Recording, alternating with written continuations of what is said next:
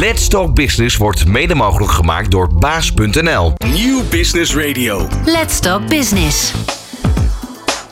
Hele goedemorgen. Vrouwen betalen de klimaatrekening van de rijkste 1%. En die 1% bestaat eh, dan ook nog eens vooral uit mannen. Dat blijkt uit het rapport The Gender Face of the Climate Crisis. We praten erover met Marit Mai en Sophie Quizera van internationale vrouwenrechtenorganisatie ActionAid.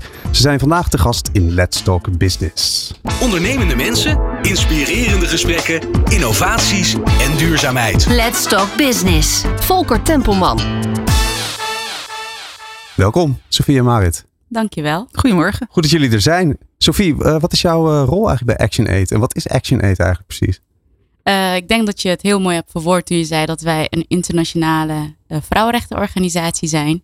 Uh, en binnen deze organisatie vertolk ik de rol van co-hoofd van onze afdeling beleid en programma's.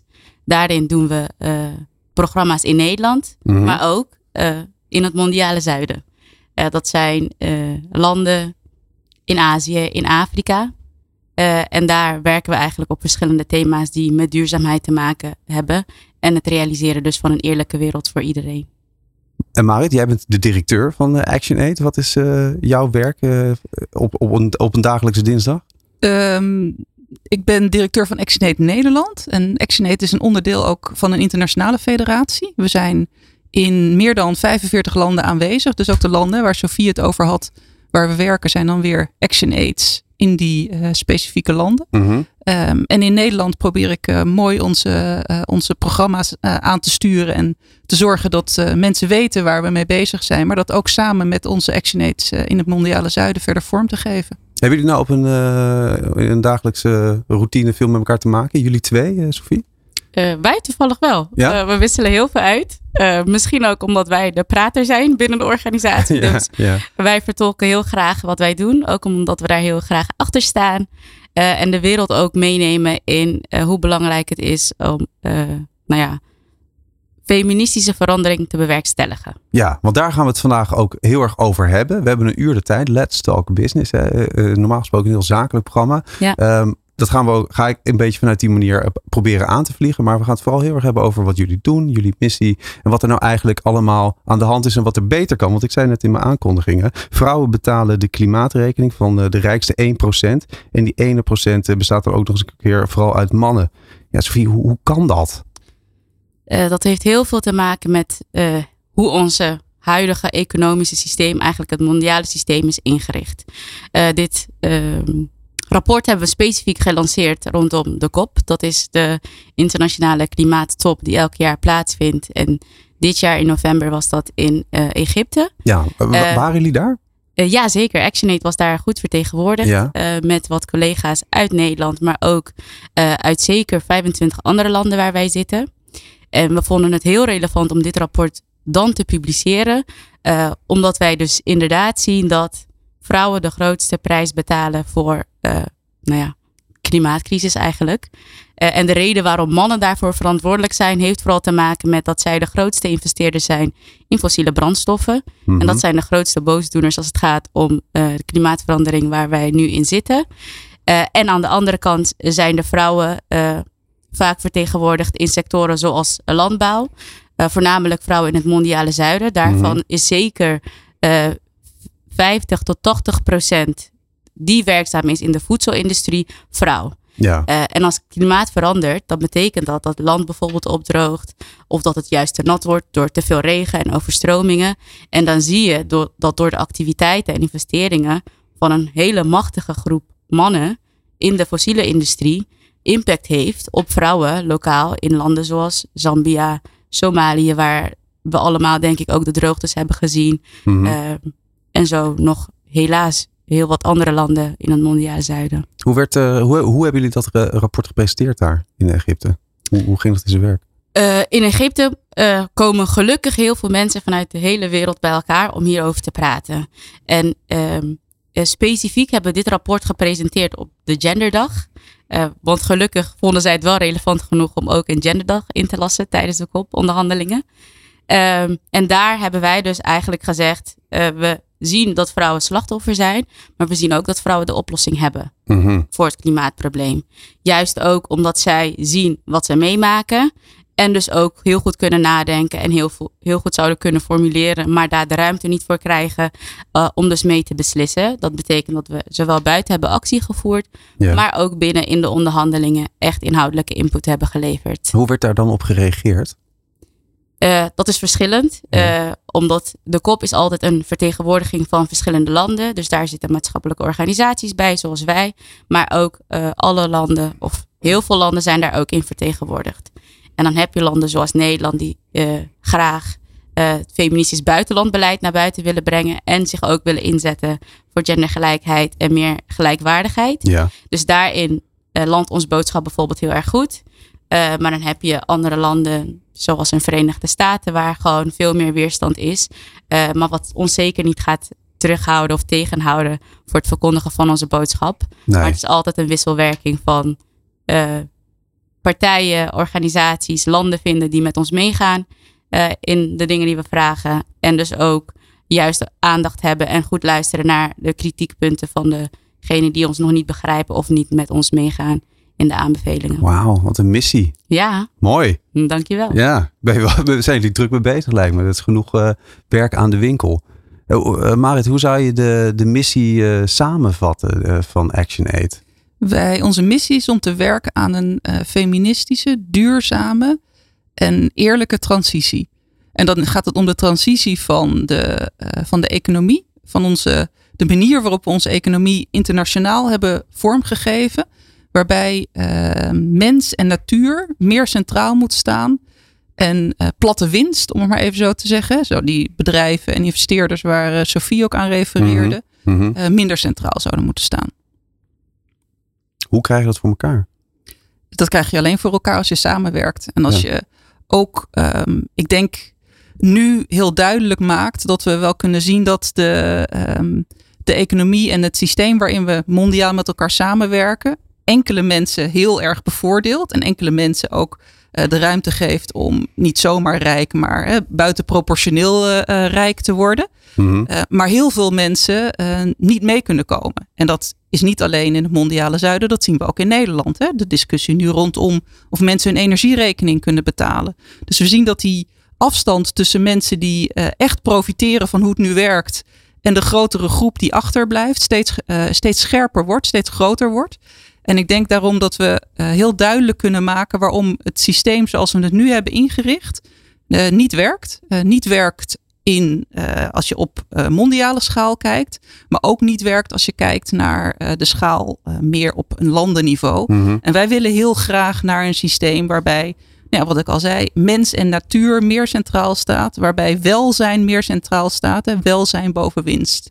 Zoals we zeggen, welzijn is eigenlijk de winst voor iedereen en mm -hmm. niet alleen het, het geld en de, de, ja, het platte geld voor, voor grote investeerders die echt uh, vaak enorme uh, winsten maken. Maar die dan vervolgens niet weer investeren in het verbeteren van de samenleving. Maar vooral investeren in nog meer winst voor zichzelf Mhm. maken. Je noemt er al een paar, maar heb je nog meer voorbeelden van hoe het dan nu niet goed gaat? Hoe het misgaat in jullie ogen?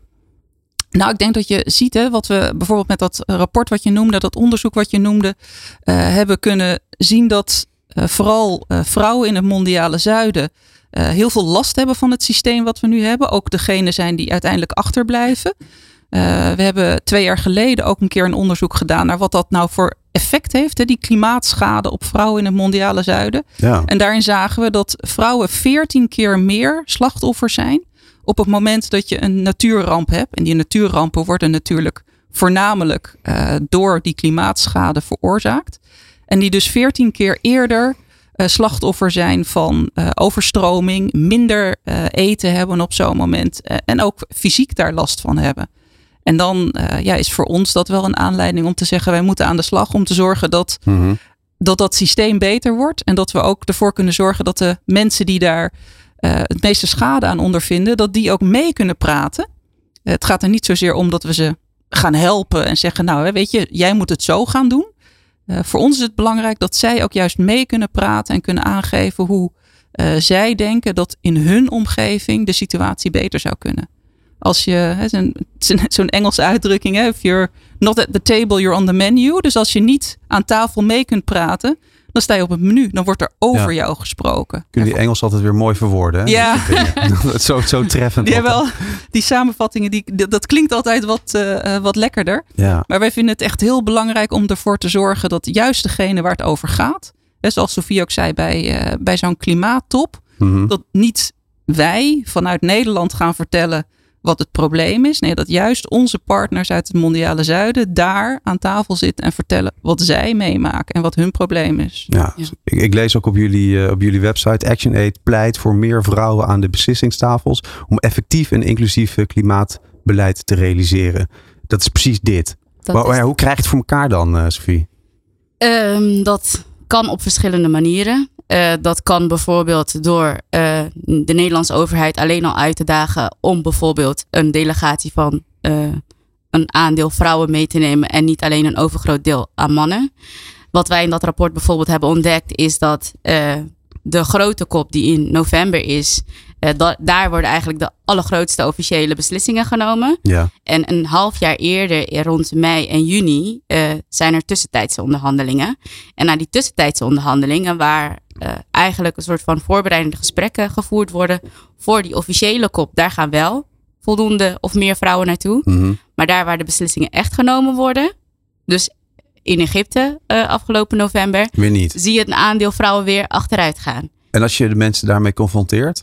Eh, dan zegt de overheid, oh ja, nu, nu zien we dat en we willen daar wel aan werken. Maar als dat vervolgens structureel zo blijft eh, gaan en dat je gewoon ziet dat het misschien wel een keer een jaar wel is gelukt en dan vervolgens achteruit gaat, dan is het denk ik ook eh, wat wij zelf ook noemen in een van onze feministische principes, maar daar komen we misschien later eventjes op.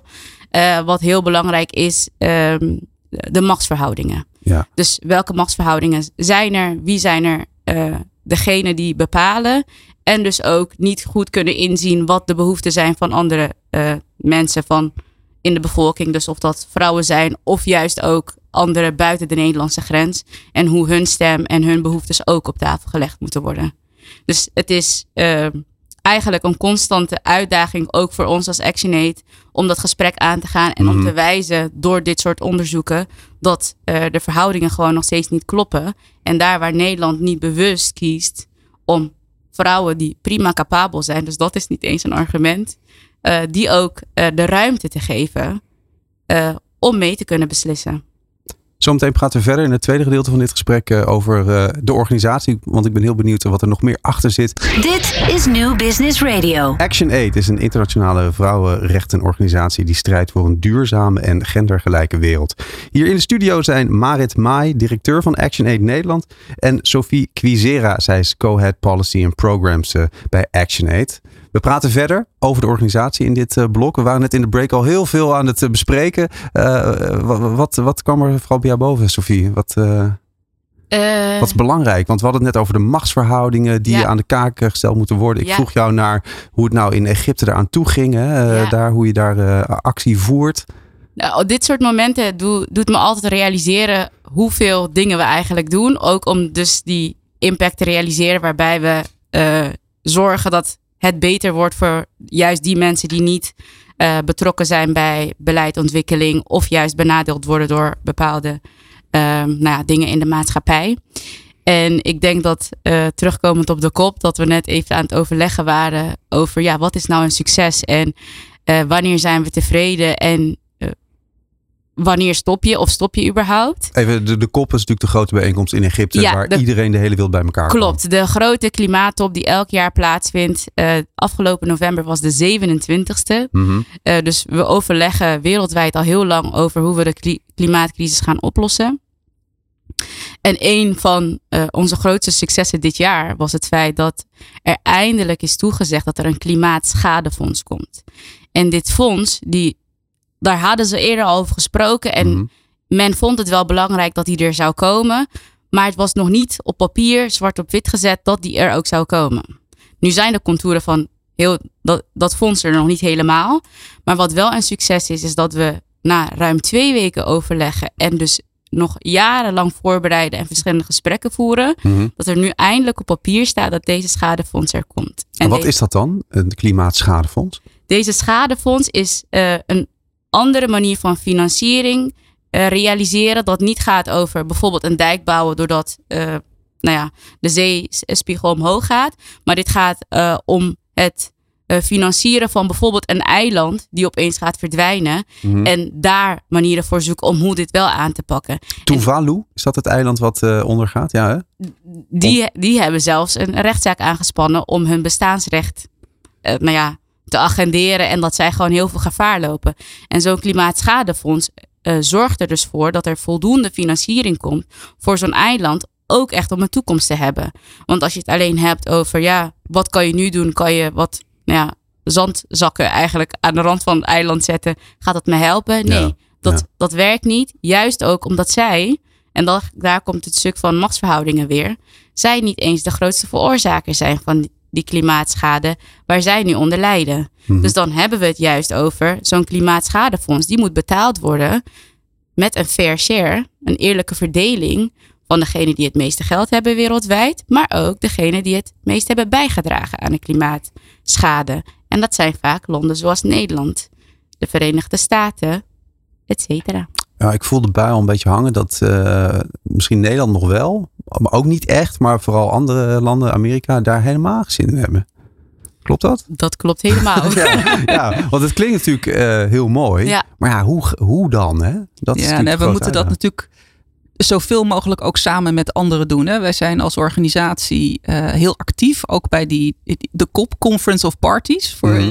de, voor de luisteraar waar het voor staat. Dus dat zijn de deelnemers van die, eh, van die klimaattop. Mhm. Ehm, maar dat doen we niet alleen. Er zijn heel veel andere, eh, ook maatschappelijke organisaties zoals eh, ActionAid bij betrokken, die ook aandacht blijven vragen voor het probleem.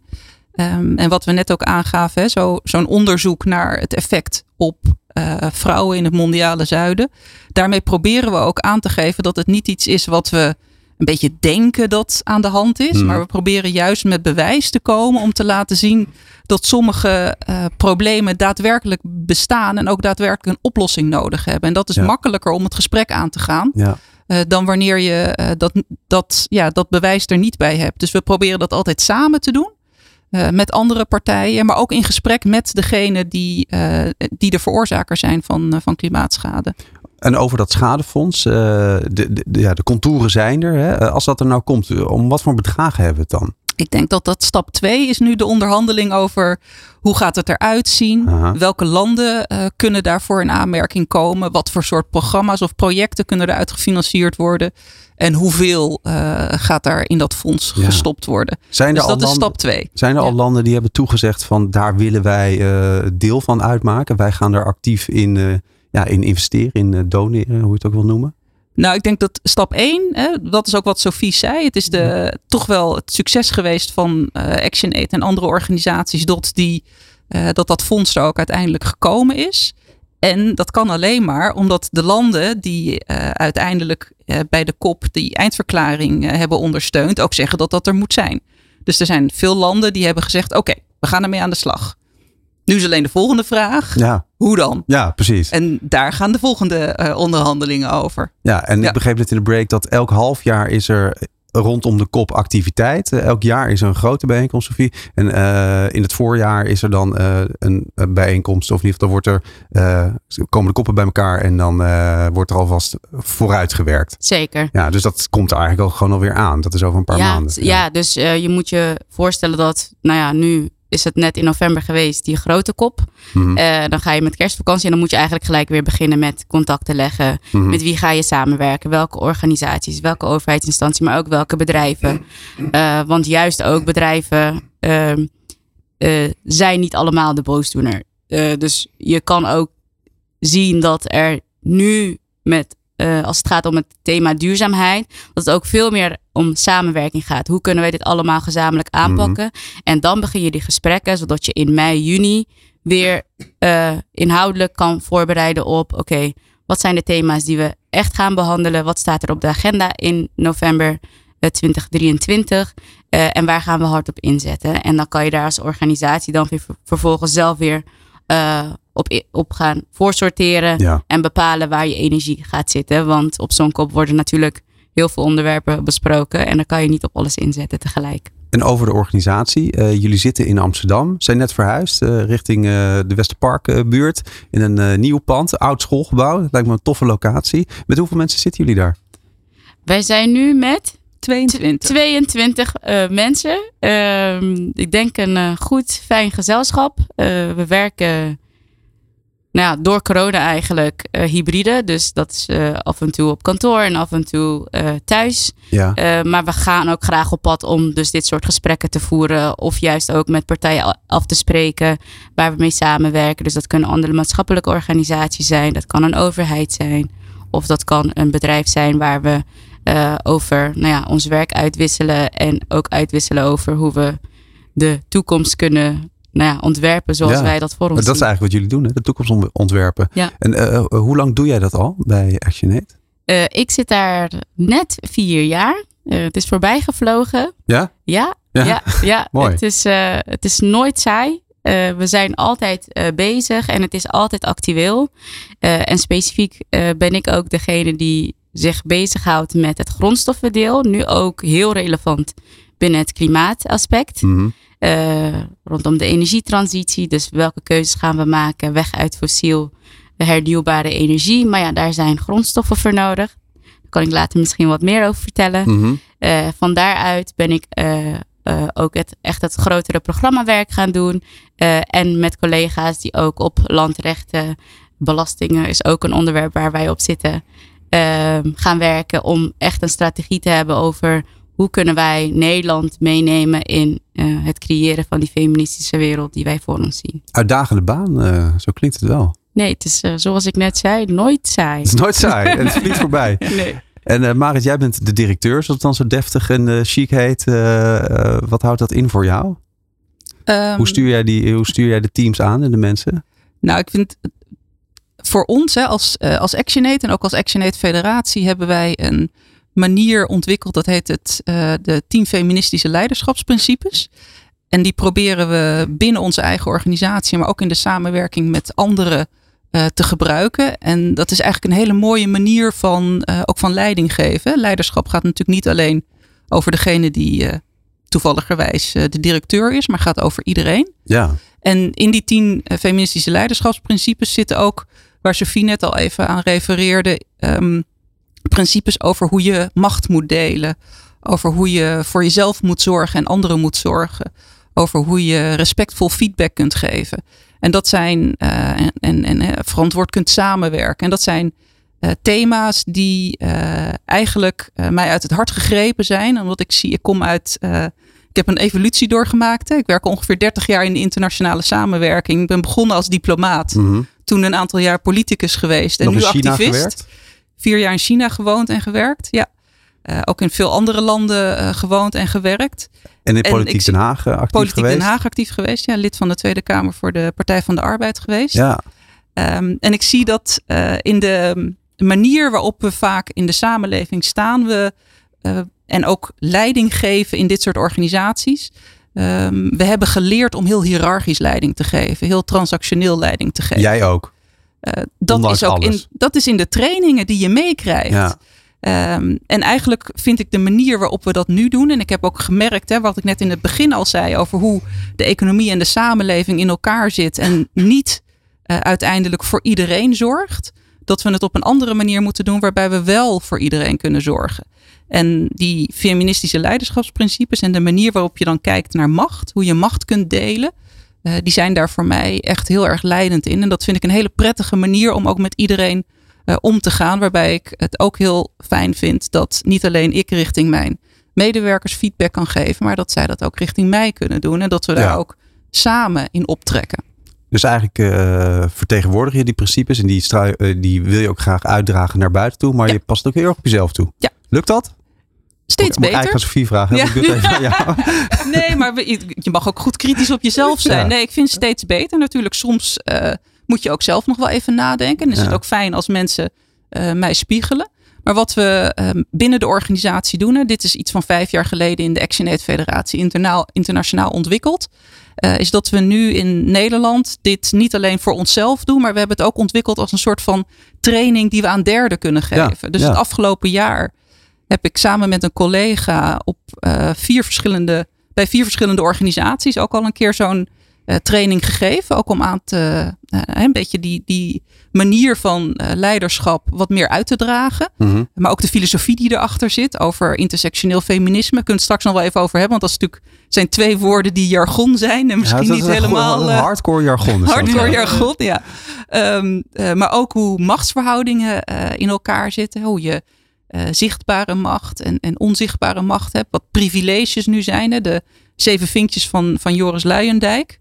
Hoe die uh, op ons dagelijks leven en de manier waarop we ook uh, leiding geven. Hoe die daar effect op hebben. En dat zijn eigenlijk hele, hele mooie gesprekken. Waar wij dan ook weer feedback op krijgen. Om, om die trainingen nog weer beter te doen. Maar ik vind het heel mooi om dat ook uit te kunnen dragen bij andere organisaties. Praten we zo meteen over verder in het derde deel van Dead Stock Business. Van hippe start-up tot ijzersterke multinational. Iedereen praat mee op New Business Radio.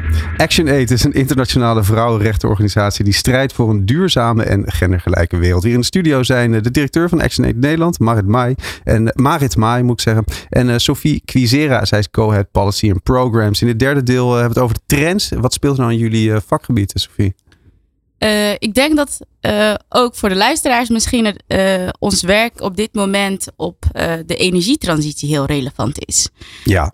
Um, zoals Marit al eerder zei, werken we in meer dan 45 landen wereldwijd. En een groot aandeel van deze landen is ook wat wij noemen grondstoffenrijk. Dus zij bezitten heel veel nou, bodemschatten zoals koper, kobalt, mangaan, platinum. En al deze grondstoffen die ik noem, uh, zijn essentieel voor onze energietransitie. Zit ook veel in je telefoon. Zeker, ja. zeker. Um, en dit is gewoon iets wat op dit moment zo actueel is. En waar wij eigenlijk al, nou ja, volgens mij sinds de oprichting al aan werken. Omdat daar dus de gemeenschappen niet de vruchten van plukken. Maar wij hier bijvoorbeeld in Nederland wel. Want wij kunnen bellen, we hebben een laptop, we kunnen elektrisch rijden, elektrisch fietsen, elektrisch steppen. Mm -hmm. uh, maar wat wij willen laten zien, ook weer in die verhouding van uh, wie profiteert waarvan, is dat uh, gelinkt aan onze wensen om bijvoorbeeld de klimaatcrisis aan te pakken. Dus duurzamer te gaan rijden, duurzamer te gaan leven, dat daar ook een keerzijde aan zit. En dat is dus de impact dat grondstofwinning heeft op bepaalde gemeenschappen en met name vrouwen. Uh, in landen waar die grondstoffen vandaan komen. Om het even tastbaar te maken voor de luisteraars misschien. Uh, een voorbeeld is Fairphone. Zij maken telefoons en zij proberen dat op een andere manier te doen. Waar dit heel erg belangrijk in is, toch? Ja, ja ik vind dat het wel kennen leuk. mensen misschien. Ja, zeker. Ik vind het ook heel leuk dat je Fairphone noemt. Uh, want in uh, heel lang geleden, nou ja, ik denk dat Fairphone nu tien jaar bestaat. Mhm. Mm -hmm. we zijn altijd heel trots om te noemen dat eigenlijk Fairphone is ontstaan als een soort, uit een soort campagne van ActionAid. Uh, want oh ja? omdat wij dus uh, samenwerken met gemeenschappen, wilden wij dit ook heel erg naar de Nederlandse context brengen. Uh, we werkten toen voornamelijk ook in Congo.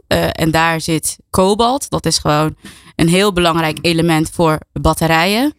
Um, en Congo heeft gewoon de grootste reserves ter wereld. Maar wat daar ook heel erg blijkt, is dat mensen daar uh, in conflicten zitten. Dat uh, vrouwen seksueel misbruikt worden om aan die grondstoffen te komen. Dat er gewoon heel veel uh, nare dingen gebeuren.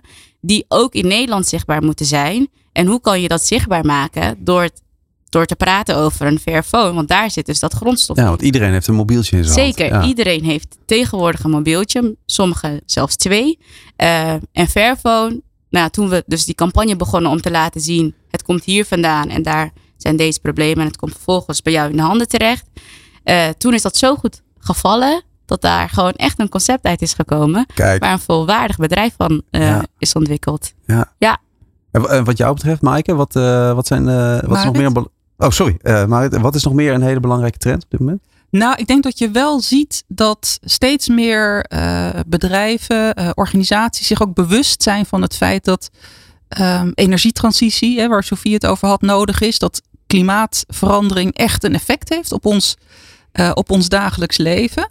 en dat we daar ook echt mee aan de slag moeten. Mhm. Een andere trend die ik ook echt belangrijk vind, is dat je steeds meer ziet dat ander leiderschap daarvoor nodig is. Ja. Hè, Mijn oude werkgever, ministerie van Buitenlandse Zaken, stond vorige week maandag um, in het nieuws met een onderzoek over institutioneel racisme in de organisatie. Ja. En ik denk dat het echt heel belangrijk is dat we uh, daar ook mee aan de slag gaan en ook meer luisteren naar de mensen die dat institutioneel racisme ook ondervinden. En wat minder de gemakkelijke oplossing zoeken van, ja, maar dat is um, misschien iets wat een kleine groep doet. De meeste mensen die zijn best oké en die willen ook, he, de meeste mensen deugen, om maar iemand te citeren. En die willen ook best graag vooruit. Maar we zien dat er systemen en mechanismes in onze samenleving zitten, in onze organisaties zitten, die groepen uitsluiten. En dat is ook een van de dingen waar ik net op intersectioneel feminisme uh, op doelde. Dat is een, uh, een term die gaat over het kruispunt. Dat is de intersectie tussen, je, tussen verschillende identiteiten die mensen hebben. Is een Amerikaanse hoogleraar die dit in 1989 heeft ontwikkeld. En dat heeft ze gedaan op basis van discriminatie die een Afro-Amerikaanse vrouw tegenkwam. Omdat zij um, zowel vanwege haar achtergrond als vanwege het feit dat zij vrouw was, gediscrimineerd werd. Um, hè, zij, zij, wilde ergens gaan werken en daarvan, uh, zij werd niet aangenomen. Toen werd er gezegd, ja, maar er werken daar vrouwen en er werken daar ook Afro-Amerikanen. Het enige was de vrouwen die er werkten, waren allemaal witte vrouwen die um, in de front office uh, werkten. En de mannen die er werkten, waren allemaal Afro-Amerikaanse mannen die in de fabriek werkten. Ja.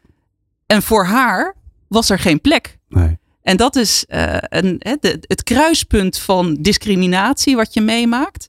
Wat we soms ons niet realiseren. En waar natuurlijk ook hele andere identiteiten van mensen uh, op van toepassing kunnen zijn. Het hoeft ook niet alleen om vrouwen te gaan. Intersectioneel feminisme gaat om mensen die.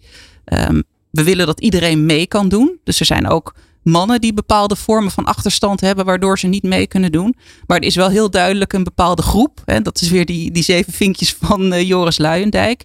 Uh, die heel goed mee kan doen en die er ook voor zorgt dat het voor hunzelf allemaal mm -hmm. lekker georganiseerd is. Mm -hmm. En ik denk dat de trend in de samenleving duidelijk is dat. Um, grote groepen mensen zien dat dit niet de manier van leiderschap is die ons de goede weg opbrengt. En dat we dat echt ook anders willen gaan doen.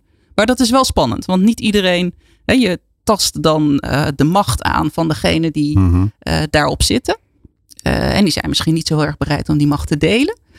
dus dat is heel spannend om daarmee aan de slag te gaan en ook echt Mhm. dat gesprek aan te gaan. En om ook ervoor te zorgen dat degenen die, die dit ondervinden ook aan tafel komen en serieus worden genomen wanneer zij in gesprek gaan en over hun ervaringen ook spreken. Ja, want dat is het. Hè. Je, de trend kan wel zijn dat het nu meer gezien wordt door de grotere massa. Maar hoe worden mensen ook echt gehoord en krijg je die verandering voor elkaar? Ja, en dat is, dat is precies heel belangrijk, Volkert, wat je daar zegt. Is dat wij ervoor, voor, voor ons als organisatie, is het uh, essentieel dat degene waar het over gaat, ook degene is die het gesprek voert. Dus ja. als het gaat over vrouwen in het mondiale zuiden, dan brengen wij vrouwen uit de gemeenschap in het mondiale zuiden naar Nederland om in Nederland bijvoorbeeld met politici, met beleidsmakers, met mensen op het ministerie van Buitenlandse Zaken, met bedrijven te praten over de ervaringen die zij hebben. He, dus als Sophie uitlegt, ja, hier hebben we uh, een mooie, uh, mooie telefoon of een mooie elektrische uh, aangedreven auto of fiets.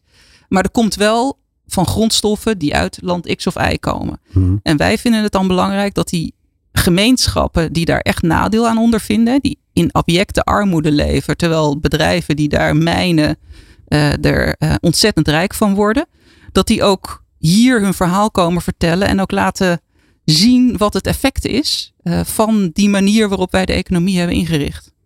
Energie dus, inclusief leiderschap. Zijn er nog meer voorbeelden te noemen van uh, trends, ontwikkelingen die jullie op dit moment zien die belangrijk zijn, die ja. noemenswaardig zijn? Waar ik dus nu heel erg aan zit te denken is juist dat het alle, dat wat wij nu allebei noemen eigenlijk gewoon samenkomt. Heel erg kijkend naar de, energietransitie. Dus in, in de ontwikkeling van uh, Nederland hebben we verschillende uh, transitiemomenten gehad. Van uh, de, de industriële revolutie naar de volgende. Nu is ook echt een kantelmoment waarbij dus mensen veel bewuster zijn van hoe maken we de wereld echt duurzaam? Maar zijn er dus ook echt fysieke uitdagingen, zoals die van uh, de energietransitie en het aanpak van de klimaatcrisis, ja. waardoor er een hele belangrijke kans is om dus deze trends juist heel goed samen te voegen. Dus hoe kunnen we een wereld ontwerpen dat niet nog meer destructief is voor de natuur, milieu, omgeving. Maar dus ook niet destructief is voor de mensheid. Uh, en mensen juist heel erg meeneemt. En dat is, we, we benoemen feministisch heel erg. Maar het gaat om gelijkwaardigheid, inclusiviteit. En het uitdagen van systemen die dus niet hebben gewerkt voor iedereen. En daar gaat het denk ik om, om die trends ook samen te brengen. Omdat het niet twee paden zijn die we bewandelen, Mhm. maar juist twee paden zijn die zich moeten kruisen uh, op die intersectie. Ja, en ik denk dat er nog een, een, een andere trend is die uh, echt ook heel mooi is. Is dat je steeds meer bedrijven ziet die zich dat ook realiseren. En die heel graag die stap willen zetten. Uh, die veel duurzamer, um, uh, eerlijker ook aan de slag willen. Die op een rechtvaardigere manier aan de slag willen. Die um, ook, wij werken ook met sommige bedrijven samen om te kijken hoe hun Um, ja, dat, dat heet dan due diligence in, uh, in, in jargon, maar hoe hun keten in elkaar zit en welke risico's op natuurschade en op mensenrechten schendingen er in die keten zitten, waar ze producten vandaan halen of waar ze misschien aan verkopen. En je ziet dat dat echt ook wel een trend is van een aantal nieuwe innovatieve bedrijven, maar soms ook wat uh, oudere bedrijven die al wat langer bestaan, die echt aan de slag willen om het anders en beter te doen. En daarbij is het heel belangrijk om uh, een aantal uh, grote organisaties en bedrijven die eigenlijk veel winst maken en nog niet aan de slag gaan, om die gezamenlijk uit te dagen. Dat is niet alleen iets van activistische organisaties, Mhm. mm -hmm. maatschappelijke organisaties zoals wij, maar je ziet ook van bedrijfsleven dat het echt anders wil. En ik vind dat ook een hele mooie trend. Mooi dat je dat bruggetje zelf maakt naar het bedrijfsleven. Want dat is natuurlijk ook uh, onze luisteraar. Hè? Die, uh, dat is de zakelijke luisteraar. Uh, jij wilde daar nog op inhaken? Sophie? Ja, ik heb misschien wel een voorbeeld van hoe juist alle verschillende entiteiten samenkomen. Dus maatschappelijke organisatie, overheid en bedrijven. Ja. dus wij zitten, nou ja, in 2016 heeft de Nederlandse overheid besloten dat er een aantal sectoren zijn die risicovol zijn. En waar dus in die ketens, als je die doorlicht, veel risico's zijn op mensenrechten schendingen. Uh, milieuschade, et cetera. En daarvan is gezegd, wij gaan dit aanpakken per sector en daar gaan we convenanten op maken. En convenanten zijn eigenlijk uh, samenwerkingsconstructies per sector, waarbij uh, organisaties zoals wij, maar ook overheid en bedrijven samenkomen. Wij hebben bijvoorbeeld mee onderhandeld aan het metaalconvenant. Juist ook door onze ervaring uh, als het gaat om uh, de impact van grondstoffenwinning in verschillende landen. Ja. En wij zijn nu ook onderdeel van gesprekken rondom hernieuwbare hernieuwbare het hernieuwbare energieconvenant. En daar zie je dat gewoon een groot hoeveelheid aan bedrijven uh, mee komt praten en heel graag geactiveerd wil worden en juist ook geholpen wil worden uh, om actie te ondernemen. Daar waar wij inzicht hebben op wat er in de landen gebeurt en wat de impact is op uh, de gemeenschappen, zeggen de bedrijven ja, maar dat zien wij niet, want wij kopen bijvoorbeeld in via China of een ander land. En daar komen we dus eigenlijk allemaal samen om onze krachten te bundelen, om dus ook echt stappen te proberen te maken naar die echt duurzame wereld waarbij mensenrechten schendingen en milieuschade de ketens uitgaat. Van hippe start-up tot ijzersterke multinational. Iedereen praat mee. Dit is New Business Radio. We gaan meteen door naar het vierde gedeelte van uh, dit gesprek, naar de toekomst. Want het uh, bruggetje wordt al gemaakt. We hebben het over het bedrijfsleven. Ze zijn op zoek, Sophie, ook naar jullie input, hè, als ik het goed begrijp. Zij, Ja. Ze willen meer weten en jullie kunnen hen daarbij helpen. Als we kijken naar de toekomst, ja, wat is jullie visie op de systeemverandering en hoe pak je dat nou praktisch aan om meer gelijke en duurzame toekomstplannen te realiseren? Wat kan je daarover zeggen? Marit? Nou, ik denk dat je eerst gaat kijken naar uh, de partners, hè, de mensen die ook uh, mee willen doen. Wat Sofie net in het vorige blokje zei, dat we in, in convenanten samenwerken met andere organisaties en met bedrijven en met de overheid om bepaalde ketens en bepaalde sectoren uh, aan te pakken. En dan wil je Ja. graag met die bedrijven die aan de slag willen, wil je een volgende stap zetten. En daarbij is het ook heel belangrijk dat, ehm, wat ook onderdeel van onze missie is, is dat je eigenlijk ehm, de manier waarop eh, de machtsverhoudingen in elkaar zitten, dat je die eh, verschuift. En dat je er ook voor zorgt dat de partners in het mondiale zuiden de gelegenheid hebben om aan te geven wat daar misgaat. En vervolgens ook kunnen gaan profiteren, want dat is natuurlijk uiteindelijk wat je graag wil, van datgene wat er in hun gemeenschap gebeurt. Ja. Dus als er in hun gemeenschap wordt uh, mijnbouw wordt ge, gepleegd, dat zij daar niet schade aan ondervinden, maar dat zij ook mee kunnen doen aan de ontwikkeling daarvan. En dat zij daar ook van kunnen gaan profiteren. En dat je dat in kaart brengt met bedrijven om samen Mhm. te kijken eh, op wat voor manier je dat kunt verbeteren. Dat je ook met overheden aan de slag moet gaan, want dat is ook een belangrijk onderdeel van ons werk, Mhm. om eh, wet en regelgeving daar ook voor voor elkaar te krijgen.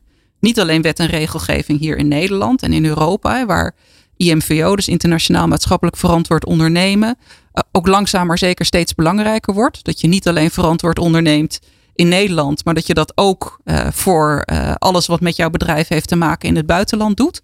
Eh, maar dat we ook dat soort wet en regelgeving in de eh, landen in het mondiale zuiden eh, voor elkaar helpen krijgen. En onze, omdat we een federatie zijn met 45, eh, meer dan 45 partners, Mhm. doen ook eh, de Action Aids in, eh, nou ja, noem ze eh, Zimbabwe, Zuid-Afrika of in, in Indonesië of India.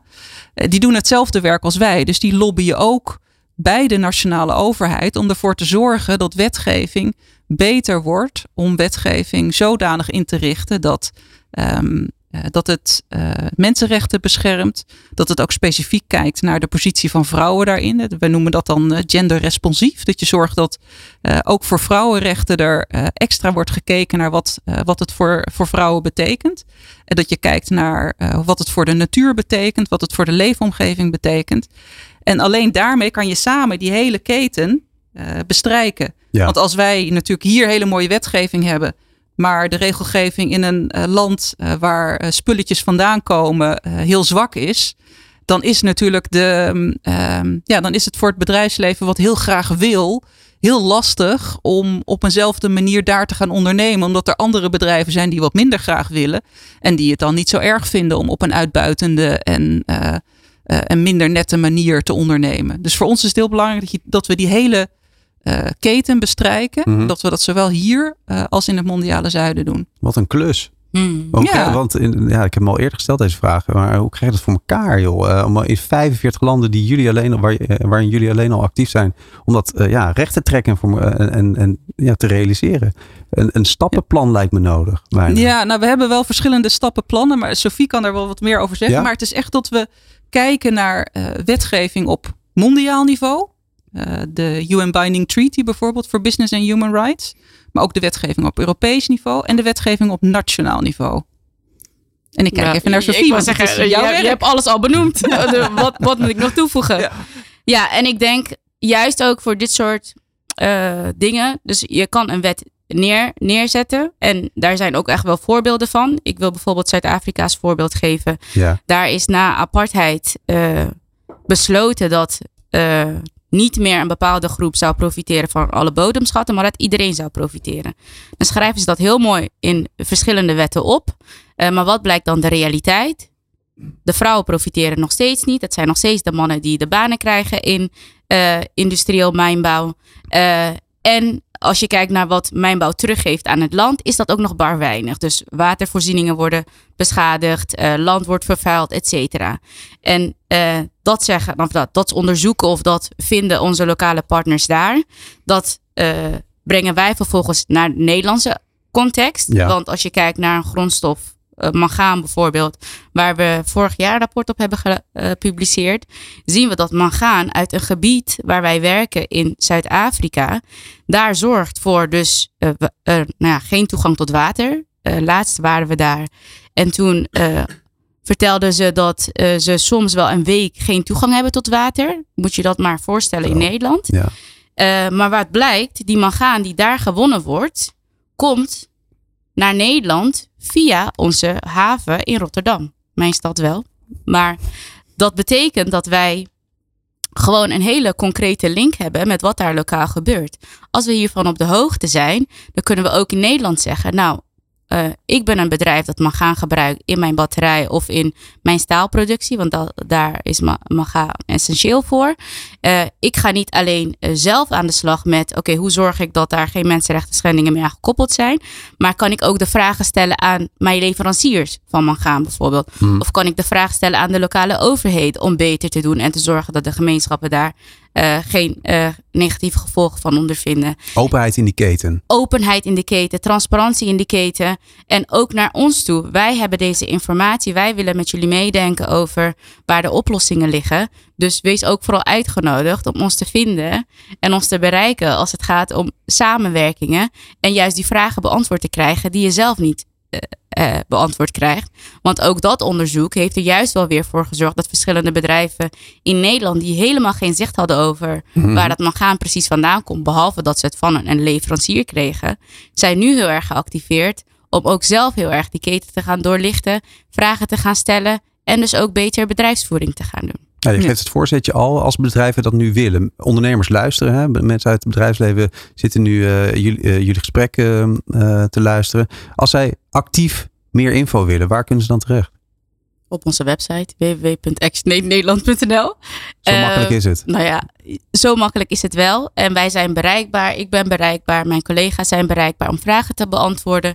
En als het gaat om internationaal verantwoord ondernemen, denk ik ook dat er uh, zowel in Nederland als internationaal verschillende richtlijnen zijn die bedrijven hier ook in kunnen helpen. Dus dat zijn de, wat we noemen de OESO-richtlijnen, maar de UN heeft ook verschillende richtlijnen om mensenrechten en bedrijfsleven veel meer uh, op één lijn te krijgen, waardoor er dus geen schade is voor mensen en milieu. En ActionAid uh, heeft ook de middelen en de mensen om uh, ondernemers te woord te staan. Om daar tijd voor vrij te maken. Daar willen wij tijd voor maken, zeker weten. Nou, dat is goed om te horen. Jij wil ja, daar nog wat op aanvullen? Ja, want ik wilde zeggen, wij willen niet alleen uh, problemen identificeren.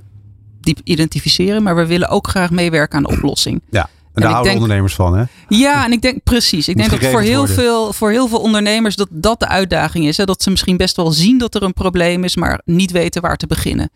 Uh, en wij vinden uh, het heel belangrijk om uh, aan, te, aan te geven waar je kunt beginnen, welke stappen je kunt zetten.